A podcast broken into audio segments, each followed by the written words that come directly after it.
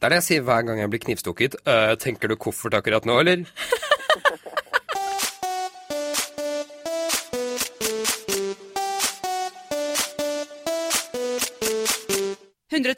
Paradise.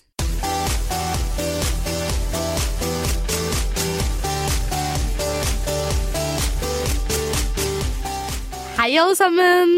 Hjertelig velkommen til 110% Paradise, en podkast som både er jordnær og down to earth. I dag er det første påskedag. Vi har byttet studio, og ting er litt på halv tolv. Det er bra Jesus har Det tatt er krise. Det er ganske ille. Eirik, du er med oss på eh, telefon. Hallo, jeg er veldig langt unna. Ja, helt oppe i sånn Nord-Trøndelag. Utenfor Ring 3, som du liker å kalle det. Ja, men Christian, Christian er her. Jeg, er her. jeg sitter foran miksepulten av en eller annen grunn. Det er ganske sykt. Det er litt sånn Alt er merkelig i dag. Jeg stirrer rett inn i øynene på en Ron Burgundy nikkedukke. Eller bobblehead, er vel det det heter. Jeg vet ikke helt hva som Har du hatt fin uh, blasfemisk påske? ah, Alltid fin blasfemisk, blasfemisk påske. Sjæl. Jeg og mamma satt i dag tidlig og så på rare Facebook-oppdateringer fra kristne fanatikere. Oi. De skriver blant annet 'Han er oppstanden' og 'He is risen'. Det er veldig skremmende. Men han har jo stått opp. Det er jo, det er jo faktisk ganske sant. Ja. Er det sant? Ja. Sist jeg hørte, ja. Eventyr om Jesus? Ja. Oi. Jeg har jeg levd i fornektelse ganske lenge. Og du er konfirmert, Eirik. Ja, jeg hadde en veldig forvirrende oppvekst. Hvem er vi? Vel, jeg vet ikke med dere, men jeg er Kristian. Christian. 22 år og omdømmeekspert. Fortsatt omdømmeekspert. Jeg kommer aldri til å slutte å være omdømmeekspert. Når du først er inn i omdømmeekspert-gamet, så, så blir du der. Ja, for alltid. Jeg er Eirik, eh, 23 år. Først og fremst eh, Oi, der, der sprakk stemmen min. Jeg, Eirik, stemmeskifte. Først og fremst solbrent. eh, dernest litt sånn påsketjukk, tror jeg. En kropp i eh, forfall. Er du tjukk? eh? Jeg er tjukke. Jeg er tjukke. Ja, men altså, kroppslig forfall hører påsken med. Det gjør det Ja, det absolutt. Ja. Ina, 28 år, har ingenting å si fordi påsken gjør meg dum. Rett og slett. Så som sagt, påske. Eh, hva har vi brukt påsken til? Eirik, du er på fjellet, er du ikke det? Jeg er utafor Ring 3. Ja, er det fjellet? Jeg vet ikke, jeg har aldri vært utenfor Ring 3. Nei, det, jeg er ikke på fjellet. Jeg er på bygda. Jeg har vært på fjellet derimot. Men først og fremst nå så podkaster jeg jo innenfra et skap, fordi jeg er jo Tilbake i skapet? Jeg er tilbake i skapet. Jeg er jo på bygda, eh, og her går de jo med fakler og høygafler og prøver å ta meg. Jeg er jo Trøndelags Sean Dark. Are you the only gay in the village? Ja, the only gay in the village. Er du også Guds utvalgte homofile? Det er jeg. Jeg er også blitt kalt gay ro royalty av venner. Høres, Høres riktig ut. Ja. Det gjør det. Ja. Så det er det du har tilbrakt påsken med? Nei, altså, du sa jo jeg har jo vært på fjellet, som sagt. Ja. Eh, jeg har holdt på å blitt foreldreløs. Oi. Eh, jeg holdt på å drepe mamma og pappa. Du holdt på å drepe dem, faktisk. Ja, fordi vi er jo en kranglefamilie, og da er vi jo så dumme at vi drar på skitur sammen. Det burde vi jo aldri gjøre, fordi vi krangler jo så inn i helvete, og det blir en helvetes dårlig stemning. Så jeg fantaserte om å stikke mamma med skistav, og mamma sa at hun fantaserte om å dytte meg utfor et stup. Det høres ut som noe man kunne snakket om i et Paradise Hotel-intervju. Sånn, eh, Stemningen den har vel vært litt laber siden jeg prøvde å drepe mamma med en skistav. Den, eh, den har jo det. Så absolutt. Men vi skal Vanskelig å si hvordan det går på parseremoni nå. Hmm, ja, veldig sant. Kristian, hva har du brukt påsken til? Eh, Jeg har hatt en såkalt bypåske. Så jeg har vært på utestedet Den glade Munch. Um, Jeg har vært ute av fylket én gang og, og gjort spennende ting i Drammen. Og jeg har sett på Paradise Hotel. Hei, det høres veldig, veldig bra ut. Jeg tror det er en veldig fullkommen påske på alle måter. Er spørsmålet hva man gjør i Drammen? Ja. Ja, hva gjør man i Drammen? Uh, man drar til uh, Konnerud senter og ser på alle tingene de har. Uh, man spiller litt brettspill, og så drar man på baren etterpå og siterer kultfigurer fra um, Rana Blads videomagasin. Ja, det var ikke det bildet jeg hadde av Drammen. Nei, men det er jo Så feil kan man ta. verdens navle. Eventuelt verdens navlelo, jeg vet ikke helt. Det er utenfor Ring 3, så jeg bryr meg ikke om sånne ting. You don't care. Nei, nettopp. Hva har jeg gjort siden sist? Jeg har vært i London. Det var veldig bra. Drikke øl og spise kake og bare kose meg i London med en venninne. Ellers så er jeg jo fortsatt- frustrert. Forrige uke var det One Direction. Denne uken er det Baby Dilly som bare ikke klarer å bli født. Herregud! Hva for noe? Ok, Um, dere vet jo Jeg skal forklare. Dere vet jo om min fascinasjon for eh, merkelige realityserier. Jeg har jo snakket om 19 Kids and Counting på denne podkasten før. eh, og nå er hun ene datteren er gravid og er 11 dager på overtid med babyen, som bare kalles baby Dilly fordi ja, hun heter Dillage etternavn. Og jeg tenkte jo kanskje, kanskje det var som Jesus. Kanskje jeg ble født i dag. Fortsatt ingen baby. Så jeg jeg henger på sånne forum på internett, og det er fælt. Ja, Du tror at Jesus ble født i dag, du? Nei, men Jesus kommer jo tilbake i dag. Han er jo oppstanden. Ja, ja, han Tenk hvis babyen ja, ja, tenk hvis babyen hadde liksom vært the second coming of Christ. Oi, veldig blasfemisk. Eller er det noe kristne tror på? Ja. er profetisk enn blasfemisk, i det minste. Tror Nei, nei, de tror jo på the second coming of Christ, og det betyr at da er liksom eh, endetiden nær. Og hvis det ikke kan være baby Dilly, hvem kan det være da? 110 Paradise. Og vi har jo nok en gang fått eh, et reisebrev fra Ida. Igjen? Ja, vi får jo en reisebrev hver uke. Gjør vi? Det er jo tradisjon. Ja, jeg, hadde ikke, jeg hadde ikke fått med meg den delen. Ja, nei. nei, det gjør vi. Vi får reisebrev fra Ida hver uke, som befinner seg i Argentina. Eh, og her eh, kommer ukas reisebrev med hva Ida tror har skjedd denne uken. Ida Ida. Ida i Argentina. Et reisebrev i fem deler.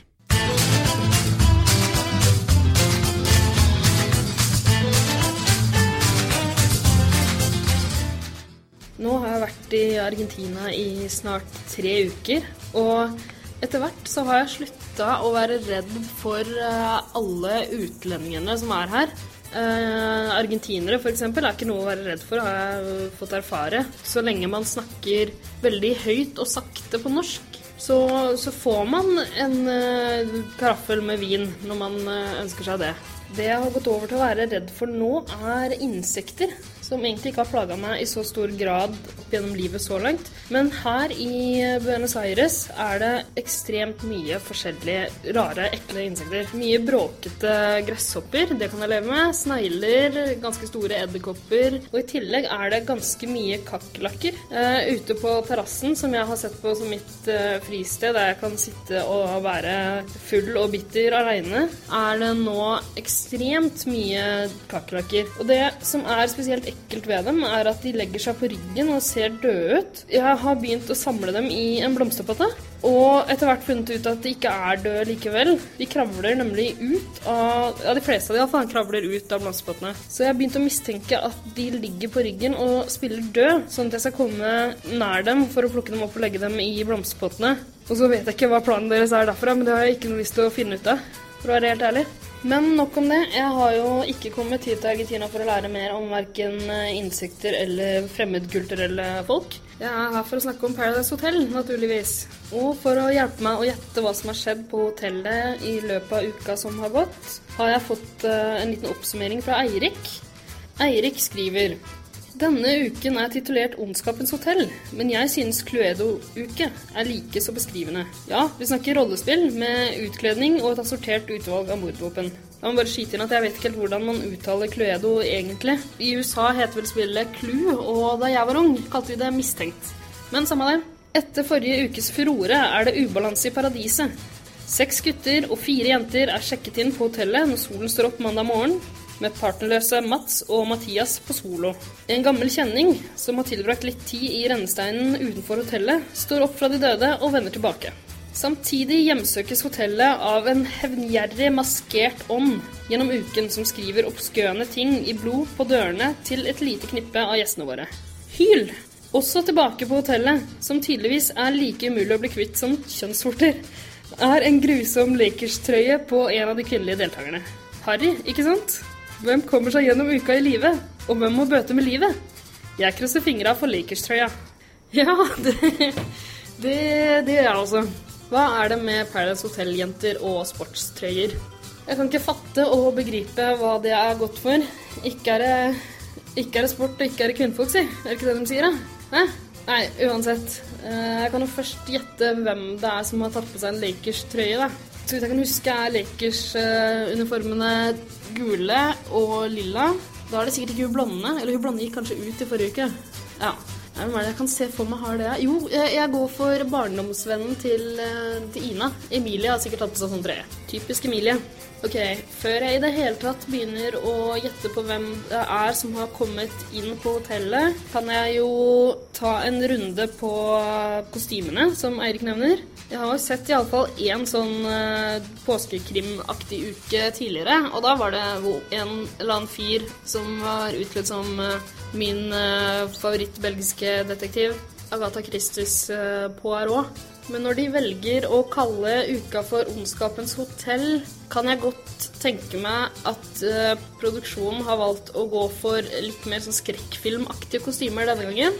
Ikke nødvendigvis den uh, klassiske britiske krimmen med en uh, trenchcoat-bærende detektiv. Hvis det er noen av dem som er utkledd som en privatdetektiv, så tipper jeg at det er Pedro, og at han er utkledd som Sherlock Holmes det, det, tror jeg han hadde kledd, for han er veldig kjekk. Og det er jo Sherlock Holmes også.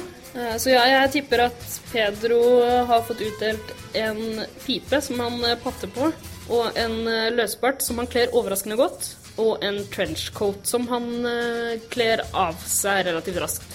Resten av kostymene er litt vanskeligere å gjette på, men jeg tipper at minst én av jentene er utkledd som vampyr, og at en av dem har på seg en blodig brudekjole.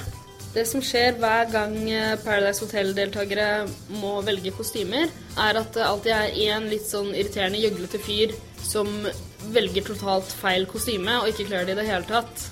I den grad noen av dem kler det, da. Uh, I denne sesongen her er det en no-brainer. Det er jo selvfølgelig han uh, Mathias som har fått på seg noe fæle greier. Vet du hva, Jeg tipper at han har kledd seg ut som uh, vampyr. Og har litt sånn lurvete sminke i fjeset som blir mer og mer klint utover jo mer han drikker. Og, og jeg tipper at han ser helt jævlig ut. Så var det over til disse deltakerne som kommer inn. Skal vi se, Eirik sa at uh, en gammel kjenning som har tilbrakt litt tid i rennesteinen utenfor hotellet, står opp fra de døde og vender tilbake. Det tror jeg er en jente. Det er jo hun blonde, men jeg velger heller å satse på hun førstejente. Eh, Tina, var det ikke det hun het? Ja, altså Jeg må innrømme at jeg ikke husker hvordan Tina oppførte seg eller ser ut. Eh, jeg trodde lenge Tina var filosofistudenten, men i løpet av de siste podkastepisodene har jeg hørt at uh, hun heter Sara. Så ja, selv om jeg ikke husker Tina, har jeg fått inntrykk av at hun gikk ut på en ganske dramatisk måte. At det var mye sånn flere folk som prøvde å gjøre alt i deres makt for å redde henne, men at hun likevel røk ut takket være noe Tasken-spilleri. Jeg tror Tina kommer inn igjen og øh, ønsker å ta hevn på de som sørga for at hun røk ut på huet og ræva, som det så fint øh, heter øh, i Mexico. Så har du denne maskerte ånden Eirik nevner, eh, som skriver oppskjønne ting i blod på dørene til et lite knippe av gjestene våre. Hyl. Det er kanskje litt sjåvinistisk av meg å si det, men jeg tror at det er en gutt fordi de aller fleste skrekkfilmene jeg har sett, har hatt en mannlig morder. Det gjelder ikke britisk krim, men uh, som sagt tror jeg vi er over i mer sånn typisk amerikansk skrekkfilm. Og den eneste amerikanske skrekkfilmen jeg kommer på som har en kvinnelig morder, er Skrik 4. En av mine favorittfilmer gjennom tidene. Uh, beklager om jeg spoila det for dere, men herregud, hvis dere ikke har sett Skrik 4 ennå, så må dere bare skylde dere selv. Det er en toppfilm som burde være obligatorisk på pensumlista til alle tredjeklasser landet over. Så ja, en gutt som kommer inn. Skummel gutt. Uh, jeg kommer bare på to skumle gutter som har vært med i Paradise Hotel i år. Det er jo selvfølgelig eh, Fittekosten fra Bamble, som jobber som pumpetekniker. Og det er skummelt i seg selv. Men det noe mer plausible forslaget jeg har, er eh, Kevin. Han er jo sosiopat-slasheren inkarnert. Altså, han er Patrick Bateman. Noen burde reise til Trondheim og grave opp sandkassa utafor blokka han bor i sporenstreks, for der ligger nok eh, begravd både ett og to lik, si. Så vidt jeg vet, er det færre jenter jenter enn gutter på hotellet. Eh, Jeg tror det er en gutt som ryker eh, denne uka her. Og jeg tror gutten som må pakke rumpetaska og forlate hotellet, er Mathias. Den uka her kommer til å inneholde veldig mye sånn leker og oppdrag og oppgaver, og ting som han ikke har noen som helst forutsetninger for å klare å henge med på. Jeg tror han ikke nødvendigvis med vilje blir utmanøvrert av noen av de andre deltakerne, men jeg tror han kommer til å drite seg ut ved å ta et skjebnesvangert valg. Eh, Helt til slutt kan jeg legge til at jeg tror eh, det også er veldig delte meninger om eh, hvordan man skal forholde seg til ukens tema. De fleste av jentene kommer til å synes det er gøy, spesielt Sara, som kommer til å stortrives.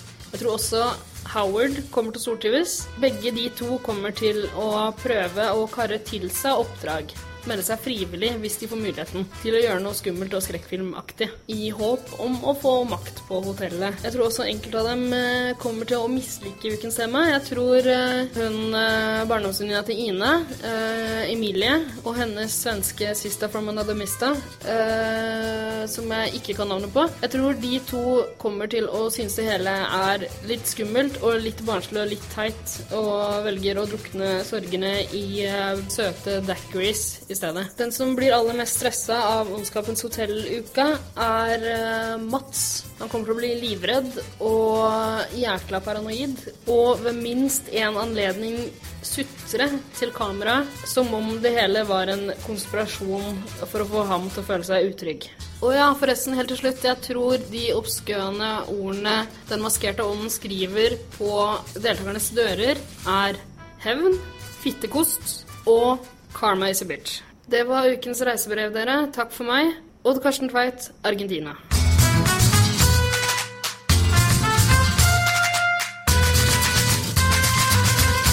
Hils Lenel Messi fra meg.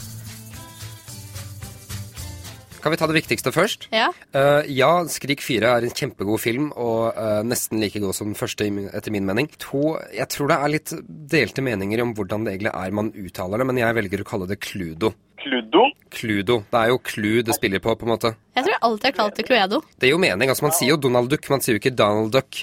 Men samtidig, så i og med at jeg vet så godt at ordet er Clu, som det er basert på, så virker det så rart å si Cluedo. Ja, men jeg har alltid sagt Cluedo.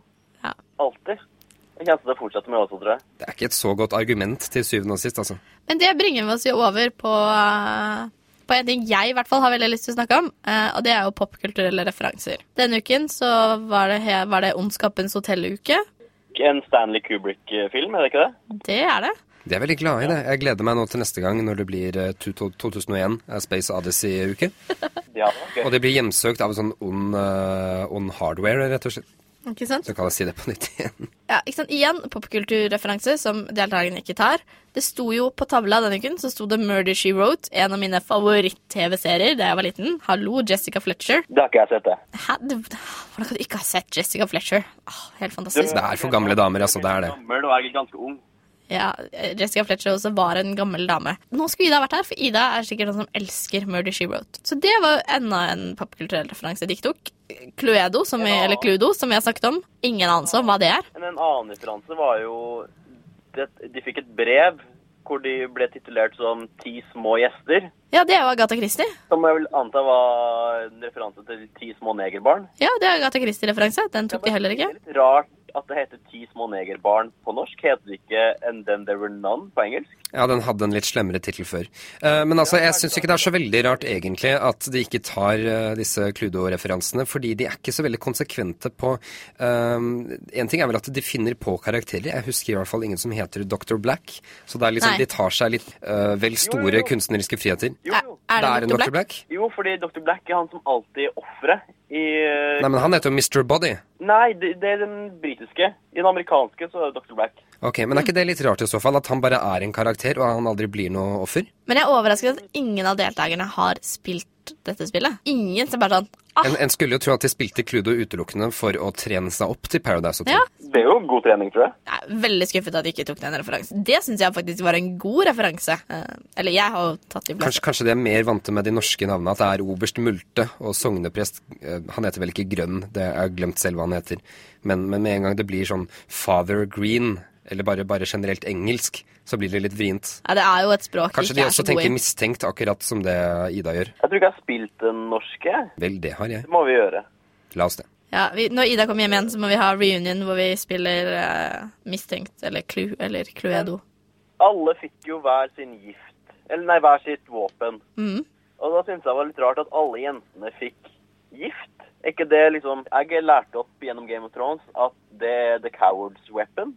Jeg vet ikke. Ja, nå, ikke, nå, nå er det ikke nødvendigvis slik at Game of Thrones alltid har uh, rett, men Det var heller ingen som fikk Men, en men jeg, jeg syns det, det var litt trist at det ikke var noen av jentene som fikk en øks eller noe sånt. At det var såpass uh, enkelt som det at jenter får gift og gutta får eh, Eller renneløkke eller noe som helst. Damer kan ja. også bruke pistoler. Vi lever i 2015. hvis dere skulle drepe noen, hva slags våpen ville dere brukt da? Sånn uh, det Jeg drømmer jeg alltid mest- at jeg dreper noen med kniv, så jeg hadde nok gått for kniv. Tenker du på det som hadde føltes mest personlig riktig, eller det man hadde brukt dersom man hadde håpet å slippe unna? For da er det jo selvfølgelig litt forskjellige svar. Ja, så kanskje begge deler. Jeg tenker alltid på folk jeg ikke liker. Da har jeg lyst til å dytte dem foran trikken.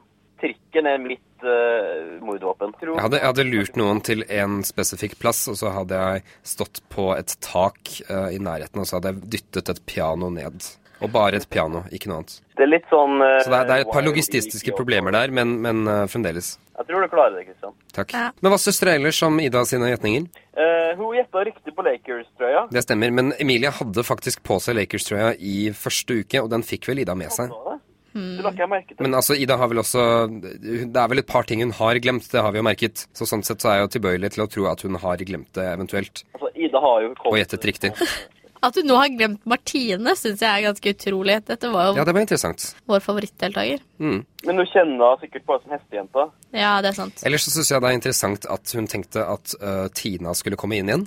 Tina, liksom. Liksom desidert den verste og kjipeste og dølleste deltakeren hittil i år. Hun må aldri få komme inn igjen. Hun gjør ikke. Selvfølgelig kommer ikke hun inn igjen. Det er en av de aller sikreste tingene. Fredrik kommer jo inn igjen.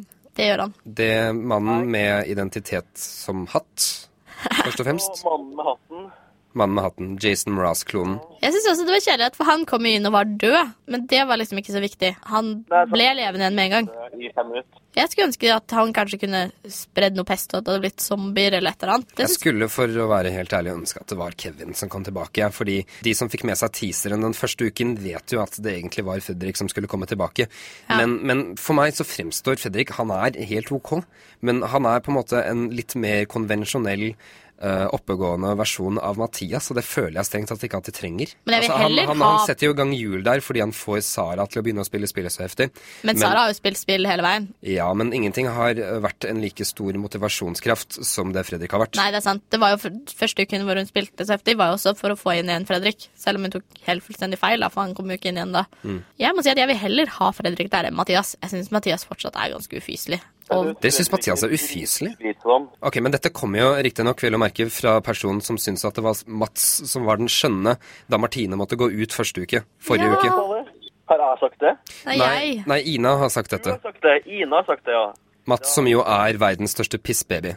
Jeg liker Mats. Jeg klarer ikke masse. Det er helt utrolig hvor irriterende han klarte å være så mange ganger. Men det er den, jeg, jeg tror vel det som er mest provoserende med Mats, er hvordan han, han, han snakker som om det er så jævla opplagt og, og fakta hele veien at det er sånn Ja, nei, men sånn er jo det. Det er jo på grunn av han at jeg er der. Så der fikk man se. Og det er, det er, det er, det er sånn veslevoksent, det er prippent, det er sutrete, det er grettent. Det er veldig, veldig slitsomt å høre på, og jeg er veldig glad for at vi ikke får se noe mer til han også. Jeg liker fortsatt Det Mats. Veldig provoserende med Mats var at han ba til Gud. Ja, det var jo virkelig et sånn nevemagnetøyeblikk. Han ba jo ikke til Gud, han ba jo til produsent. Ja, Det fins forskjellige måter å be til produsenten på, og dette er ikke en av de sympatiske.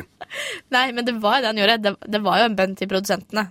Jeg tror ikke det var et Gud. religiøst øyeblikk i og med at det var påsken, Nei, Nei, ikke det jeg var heller. Nei, nettopp. men likevel er det veldig, veldig provoserende. Men kan du fortelle hvorfor du liker Mats? Jeg Jeg vet ikke. Kanskje det er den sjarmen hans som bare kommer og smelter mitt unge hjerte. Mm, Han har jo ganske fine lepper. Så, fine. Ja, litt, har han ikke det? Jeg syns de eh, passer på en 14-åring. Ja, ja. Mats, hvis du hører på nå, du får ufortjent mye kjærlighet, både fra Ina og fra din mor. Dagsfylla! Dagsfylla! Dagsfylla! Dagsfylla!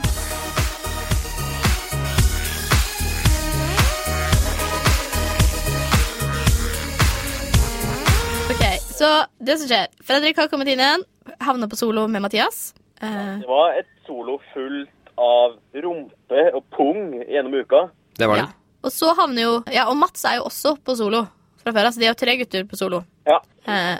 Og så kommer det jo hemmelig oppdrag. Det er jo ganske utrolig at de har hemmelig oppdrag igjen, da. Kanskje de har hørt på podkasten vår og hørt at vi har etterlyst hemmelige oppdrag. Det var ganske ok hemmelig oppdrag også. Jeg liker også hvordan de gjorde det. da Det var vel Pierre som endte opp med å stjele denne pistolen. Uh, hvordan de ikke avslørte med en gang, for det tror jeg ikke de har gjort før. Eh, det må sies, da. Jeg likte jo Du nevnte popkulturelle referanser i stad. Og jeg syns jo ikke det var særlig fett da Jeg føler det er noe veldig Rasmus-ting når de, de gjør Når de fryser bildet og setter på et sepia-filter eller noe sånt, og så gjør de denne Tom Mathisen-stemmen, og det er Brødrene Dal, og hva vil skje videre? Fordi det bare er så opplagt, og det virker så overveldende blunkete på en måte som jeg ikke Ja. synes syns er særlig kul, i motsetning til de andre referansene som de gjør hele veien. Det er sånn akkurat samme irritasjon jeg føler på som når Vidar-Lill og Rasmus kommer ut av denne kaken. Med det aprilspøken. Vil du se flere aprilspøker, gå på tv3play.no. Mm, Aldri. Aldri i en million år. Nei, øh. nå, og, nå- merker jeg altså Jeg er ganske lei av Christian René-spøker. Det er sånn, ja. han var inne to sesonger på rad, men glem han. Det er litt som Northug. Kan vi glemme Christian René, og kan vi glemme Northug? Det er veldig mange flere karakterer å melke, altså. Det er det. Det er en svunnen tid. Nettopp. Nå må folk glemme det. Jeg er helt, helt enig. Det er veldig varmt inni det skapet jeg sitter nå, så nå kler jeg meg klær. jeg. Ja, Så fint at du kan sitte der og være naken, for det er ingen som ser deg. Jeg er ikke naken, jeg har eh, sokker på. Dette er vel en av de podkastene vi egentlig burde ha sånn videofilmet også. Det er veldig sant. Det, er- det er det absolutt. Ok, Men Du, Ida tok jo feil igjen, fordi det var jo dette maskefjes Ja. nede i ånd som gikk og skrev uh, obskøne ting på sologutta sin dør. Men, men, Var det så obskønt, da? Det skjønte jeg aldri helt men hvorfor der du sa. jeg også Det var jo verken kost eller hevn. Det var skrevet Red Mud. Nei, ikke Red Mud. Nå, du går i PR-fella. Nå gikk jeg i fjærfella. Men det var også utrolig kjipt, fordi denne mystiske personen drepte jo ingen. Nei. Det var jo ikke Jeg forventet at denne personen skulle få lov å drepe noen. Istedenfor så var det jo alle deltakerne som fikk lov å sammen drepe en av guttene på solo. Ja, akkurat den delen var veldig underveldende sånn, egentlig. Og jeg syns det var skikkelig kjipt. Det skulle ønske at i hvert fall at denne mysteriske Mysteriske denne Den mystiske, mysteriske mannen. denne mystiske personen skulle få lov å kanskje velge ut én av personene som kunne blitt drept, da. For å gjøre det litt mer spennende. Det hadde vært bra. Men eh, da kom vi over til denne morderseremonien. Eh, og da var det jo de tre sologuttene som sto i fare for å dø. Men fordi Pierre, Mats Nei, ikke Pierre. Fredrik, Mats og eh, Mathias. Ja. eh, men Pierre var jo egentlig Ja, Pierre stjal pistolen til Fredrik, som gjør at han byttet plass med ham. For det var jo fordi at da Fredrik kom inn, så fikk han lov å velge seg en partner. Og da falt valget på Emilie. Derfor havnet Pierre på solo. Ikke sant? Ja. Ja. Enig. Eh, men så dere det i det klippet hvor eh, guttene ser at Fredrik er nede og skal bade eh, og ikke har pistolen sin med seg? Så sitter Mats i telefonen. For det er jo telefoner rundt omkring på hele hotellet, men man ser jo aldri at folk snakker i dem. Men i det klippet så, så man at Mats snakket i telefonen. Så da tenker jeg kanskje produksjonen ringte og sa sånn Nå må dere løpe og finne pistolen. Det kan være. Tror du de har sånn intercom? at De har intercom. Jeg liker at det er intercom overalt, egentlig. At man kan hente en sånn intercom At det De har en jo det. i bassenget om man vil. Fordi når, når ting skjer, så, så ringer de telefonene, og så er det sånn Ja, nå må du gå i synken, eller Ja. Så det skjer hele tiden. Skummelt. Men det er Det er jo sånn aldri med. politistat, på en måte. Det er jo, man ser det aldri, men akkurat der så så man telefonen. Men nei, Men, men det er jo på en måte litt slappere. De, de viser litt mer av produksjonen enn de har gjort tidligere. Jeg føler at uh, f.eks. bak kulissene-tingene til uh, Vidar Lill og Rasmus har tatt en større rolle. Um, du hører stemmen iblant til de som intervjuer. Er i synken. Ja. Eh, de sier ting som 'Å nei, nå må jeg begynne på nytt igjen fordi jeg stokket om i ordene'. Mm. Um, så det er generelt litt, litt slappere. Det, jeg syns de kler det, egentlig. Gjennomsiktig produksjon. Ja. Transparent. Men tilbake til morderseremonien. Det var jo da Matt som ble drept. Yes, jeg ble så glad! Det var veldig fint. Jeg ble lei meg, for jeg vil jo ha ut Mathias. Jeg skjønner ikke. Er, er du allergisk mot moro eller noe sånt? Er det det det går i? Ja, jeg er allergisk mot moro. Ja. Jeg vil bare ha en mammagutt. Har du ikke vært med Ina på byen, Kristian? Eh, ikke ofte nok, åpenbart. Men jeg vet ikke. Hvis hun ikke kunne tenke seg Jeg er jo en Mathias ute på byen, det er jo ganske etablert. Så jeg vet ikke helt om det i det hele tatt er en så god idé, på en måte. Podkasten er mer enn nok. Ja, kanskje det. Mm. Ja, ja. Nei, jeg felte en liten tåre av at Mats gikk ut. Eh, Som han sa, det er deres tap. ja. Helt enig, men Dette var jo i all hovedsak en ganske dårlig uke for de usympatiske guttene. For selv om på en måte så var eh, Harald på riktig lag Nei, det er ikke så veldig klare sider lenger. Men, men jeg, er jo, jeg er jo fornøyd med at han også endte opp med å gå. Men så fikk jo de siste to sologuttene, Fredrik og Mathias, ble jo sendt ut på tur. Og Dette kan de ikke snakke om. Det koka jo ned til absolutt ingenting. TV3 fylte jo bare opp et kvarter med sendetid. Men kan jeg snakke om det likevel? Fordi jeg syns Jeg ble så sur for at de ikke valgte å ta inn Mats igjen.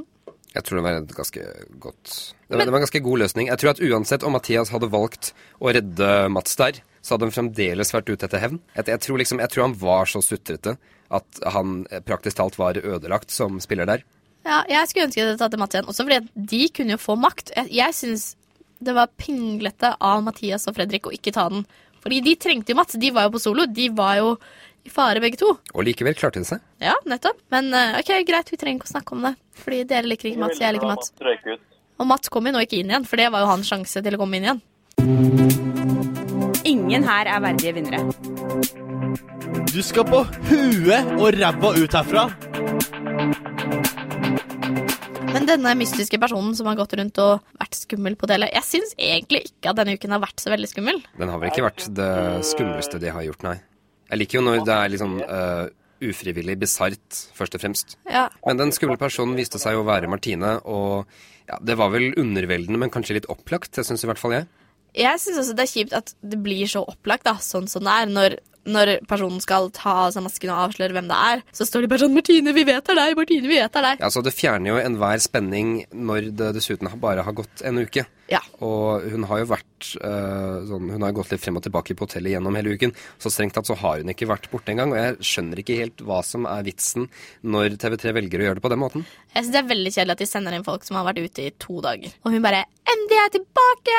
Hotellet er mitt!' Sånn, du har jo vært der. Queens are back.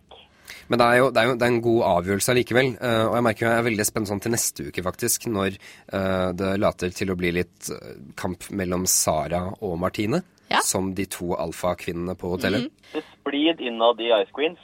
Nettopp fordi Jeg si det minner meg veldig om Når de, de kaller seg Ice Queens hele tida, minner meg om Frozen-filmen. som jeg liker veldig godt. Det er akkurat som Frozen nå, mer eller mindre. Olav er Mathias, og det er helt sikkert flere andre karakterer også, men jeg kan ikke navnet deres. Hotel er Frozen. Hva? Hele Paradise Hotel er Frost-filmen. Ja. ja, Kanskje de kan ha en frostuke? Hvis du, Eirik, umiddelbart nå måtte synge uh, Do You Want To Build A Snowman bare med Paradise Hotel-tekst, hvordan hadde det gått? Oi, nei.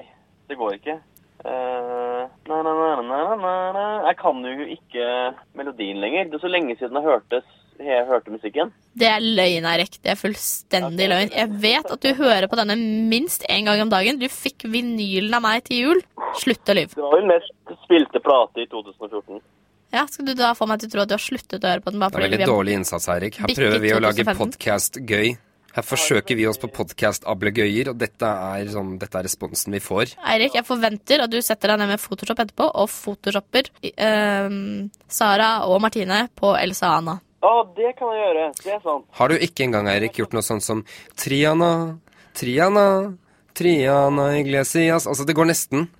Og hvis jeg får til det sånn spontant nå, så, så burde jo du klare å trumfe det uten vanskeligheter. Men jeg kan by på annen podkast-gøy. Frozen-relatert. Frozen Nei, Frozen-relatert. Jeg er ikke interessert hvis det ikke er dette her. Da kan vi heller ta det senere. Ok.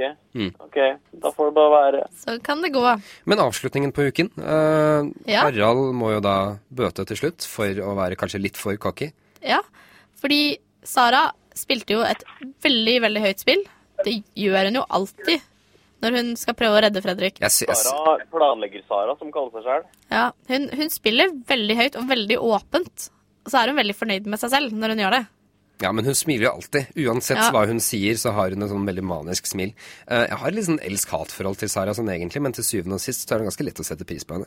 Hun er veldig trygg på sin egen posisjon på hotellet. Ja, Og det er jo det på en måte som, som gjorde det vanskelig for Harald også. ja. Når vi snakker om Harald, den eh, siste episoden, den torsdagens episode, den het jo 'Redda Harald død eller levende'.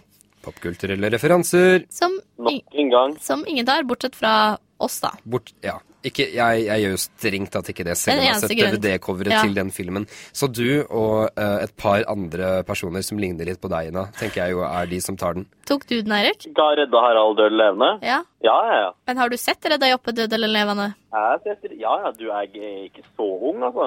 Nei? Ok. Nei, men jeg tenker at Redda Joppe oppe, død eller levende. Men jeg tenker det er jo ingen av deltakerne som ville tatt den referansen. Selv ikke Pierre og Elin, som er svenske. De har jo sett, de har jo sett barne-TV, de også. Når de ikke tar De tar jo ingen referanser. Jeg tror overhodet ikke de tok det. Jeg tenkte at dette var en Men så det er greit nok at de ikke har lest Agatha Christie 'Ti små niggerbarn'. Men jeg regner med at de har sett barne-TV når de var fem-seks år. Du må huske at dette var ikke dubbet til norsk, vet du. Jeg tror ikke de har sett det. Det er for vanskelig for dem. Nei, det forstår jeg ikke, sant. Det var jo på svensk. Ja, Så jeg tenker at det må jo være Joppe, var han en pingvin, eller var han en? Hva var han igjen? Han var en en pingvin? stygg bamse. Ja, men det var en pingvin, var det ikke det? Pingvinbamse? Tenker dere, dere som faktisk vet hva dette er, uh, tenker dere at Harald er på mange måter lik Joppe? Ja, litt. Han har like En stygt stygg hår. bamse. Ja. Men han, han, han klarte seg jo ganske dårlig. Mathias sto jo der og brukte aldri disse, liksom, denne store tiden på å selge seg inn, og klarer seg rett og slett fordi han er elskverdig i de aller flestes øyne. Eh, og Harald blir jo veldig misfornøyd. Jeg syns, jeg syns parseremonien i seg selv uh, var overraskende, for det virket jo som Elin skulle gå for Harald. Og så, så tenker du at here come uh, the waterworks, og uh, det er fremdeles ikke så spennende, og så plutselig er det Er det lov å si at Elin er en ugly crier? Eh, det er absolutt lov til å si det, men jeg, Jeg sympatiserer, for jeg er også en ugly crier. Jeg tror ikke jeg har sett deg gratis, Kristian, så det vet jeg ingenting om. Ja, Men, bare eh, vent. Men ha, har du en liste over dette her? Hvem, hvem, er, hvem er den peneste gråteren? jeg vet ikke. I hvert fall ikke Helen. jeg er veldig pen. Jeg liker å se på meg Christian René som snufser og forteller at ingen kan gråte som han på hotellet. Nei, men jeg syns jo litt synd på Helen, for hun hadde jo ikke lyst til å ta et valg. Men jeg synes... Nei, dette, dette føltes kanskje hakket mer ektefølt enn det pleier å være. Det var vel det som gjorde det til et ganske ålreit TV-øyeblikk. Og så syns jeg det var fint at hun stolte på seg selv. Bare nei, jeg må gå for trivsel. Ikke at jeg forstår at Mathias er trivsel, men, Ja, men det er ditt problem, Ina. Jeg forstår at Mathias er mer trivsel enn Harald. Harald som er Harald er en sånn naziestetikk som Ida liker så godt.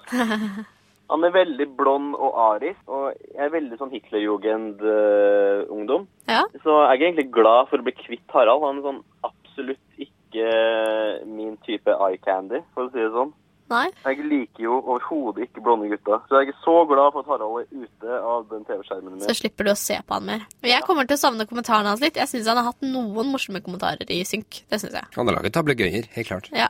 Men jeg synes han Jeg likte ikke spillemåten hans. Han var jo alfa, han, og tenkte at han eide hotellet. Og nå er han ute. Men hvis TV3 skal følge liksom det de har holdt på med nå, så kommer han vel inn neste uke, tenker jeg. Kanskje det kommer enda en skummel uke til, for nå har det vært to skumle uker på rad. Nå ble vi endelig kvitt begge trønderne. Nå kan vi ikke få inn flere trøndere. Vær så snill. De må Når de er ute nå, så må de bli ute. Ja, Tenk hvis Kevin kommer inn igjen. Da kommer trønderen tilbake. Ja, men Kevin Jeg håper helt klart på at Kevin kommer inn fremfor eh, Harald, i det minste. Jeg følte rett og slett at showet var ganske ferdig med ham, Ja. egentlig. At hvis han skulle blitt en uke til, selv om det virket Harald har jo hengt i en tynn tråd i tre uker nå. Ja. Dessuten så er jeg veldig fornøyd med at han ikke er der lenger, bare fordi da slipper jeg å høre på Elin og uh, den andre personen som kaller han for Harald. Uh, Pedro? Uh, nei, det tror jeg faktisk ikke var svensken. Ikke? Jeg tror det var Emilie, kanskje, som sa Harald. Men, men det, var, det, var, det var flere som det, det, var så, det var såpass mange mennesker som sa Harald at jeg begynte å mistenke at det faktisk var navnet hans. At det er vi som sier Harald, som tar feil. En liten ting om Emilie. Jeg synes det var helt fantastisk da hun ville at Mats skulle kysse, han, og Mats, øh, kysse henne, og Mats var bare sånn Nei, jeg har ikke lyst til å kysse deg. Og hun blir så snurt. Men han er jo så prippen. Han gjør dette her på det mest provoserende viset i hele verden, og det burde ikke være så vanskelig å fremstå sympatisk selv om han ikke har lyst til å kysse Emilie. Altså, likevel så Man sa jo at, at han, han kan ikke holde på å kysse hele tiden, for han får så såre lepper. I tillegg til at det bare har gått to eller tre dager siden han mistet partneren sin. Det var, det var virkelig på noe sånn Andreas-nivå, ass. Jeg syns det var fint. Han innrømmet at han hadde litt følelse for Martine. Og så kommer Martine inn igjen, og så er ikke Mats der. Så nå får vi Men er aldri det, se er, det, er det bare sånn free card for deg? At med at de er forelsket, så er det greit? Fordi Christian René og Tina var jo veldig forelsket i hverandre på et tidspunkt. Ja, Men de var jo fæle og Ja, men det var Mats også. Det Ja, men er jo Martine Mats. var jo ikke fæl. Marti, synes Martine Jo, Martine er også fæl. alle Men- men- fortjener litt kjærlighet. Ja, Sa Eva Braun. Ærlig talt. Nei, dette, dette har jeg ingen forståelse for. Fortjener Anders Behring Breivik kjærlighet, eh, Ina? Vi tar virkelig opp de viktige spørsmålene i dag. Ja. Bare fordi det er påske, ligger vi ikke på latsiden, liksom. Nei, er meg, ikke. Ina. Fortjener ABB kjærlighet? Eh, nei. Jeg syns han skal ryke ut av hotellet sporenstreks. Uff, nei, dette syns jeg ikke vi kan sitte og spøke om. Sorry. Ja, men jeg skjønner det veldig godt, egentlig. Jeg hadde tatt totalt avstand hvis Anders Behring Breivik hadde kommet inn på hotellet. Eh, ja, det hadde ikke vært noe gøy. La oss ikke ha en Anders Behring Breivik-uke på Paradise Hotel. Men det er jo som på en måte Det er et av mine sånn sterkeste trekk, tenker jeg egentlig. At jeg tar avstand fra slik farlig tankegods, egentlig. Det er sånn når du går på byen og bare sier sånn veldig nonchalant til en jente at uh, jeg tar sterk avstand fra nazistisk tankegods, f.eks. Er det suksessoppskrift ute på byen? Uh, dette er det jeg har merket meg er en av de sikreste vinnerne. Kanskje jeg skal prøve det? Jeg syns du skal det. Gjør det. Ina liker jo Ina og Ida for så vidt liker jo disse nazistiske De tar ikke helt avstand fra nazistisk tankegods. Hæ? Hvorfor liker jeg nazistiske De liker jo blonde gutter. Ariske gutter. Du har sagt at Harald var den kjekkeste inne på hotellet. Ja, men jeg vil jo helst ha eh, litt sånn eh, rødhårede gutter, jeg, egentlig. Med fregner. Ja, du vil ha Kaptein Rødtiss, du. What? Nei, Eirik, nå. Nå legger vi den død. Vi legger den død.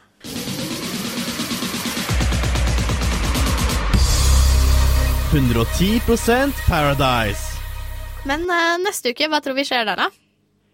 Ja, uh, det er jo Tenk hvis det er Tina. Det så ikke ut som Tina i det ene sekundet hun var på skjermen. Nei, for nå er det jo Det er virkelig på tide med nye deltakere. For nå har det jo ikke kommet nye deltakere på to uker. Det var vel kanskje den største mangelen til denne uken, når det Ja. kommer til stykket.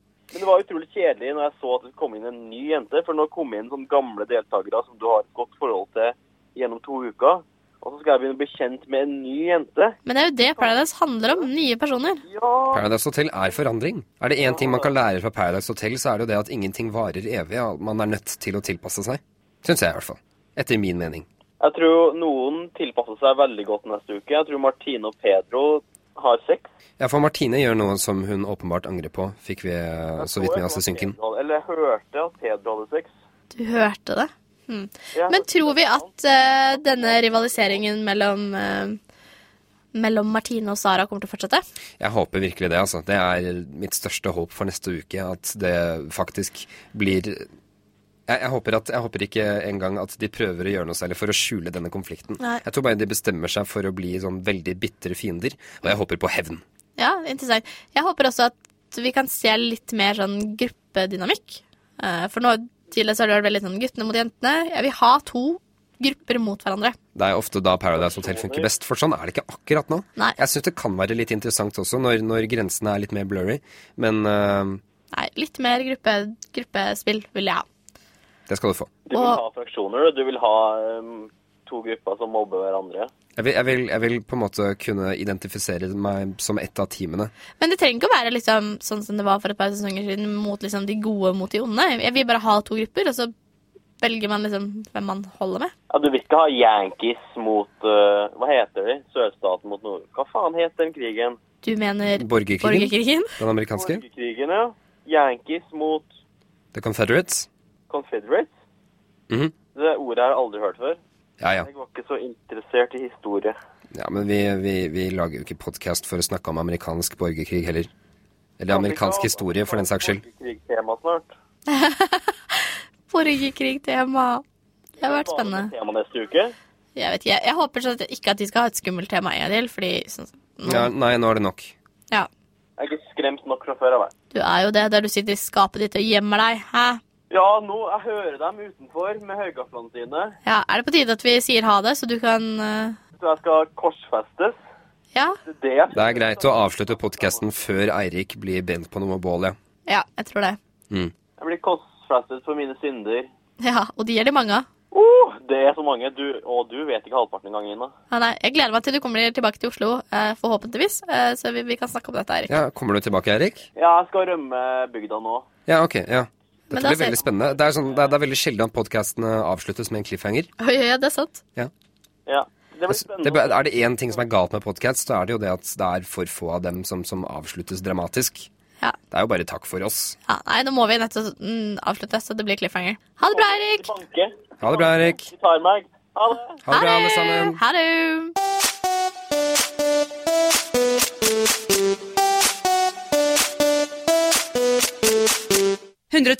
Paradise.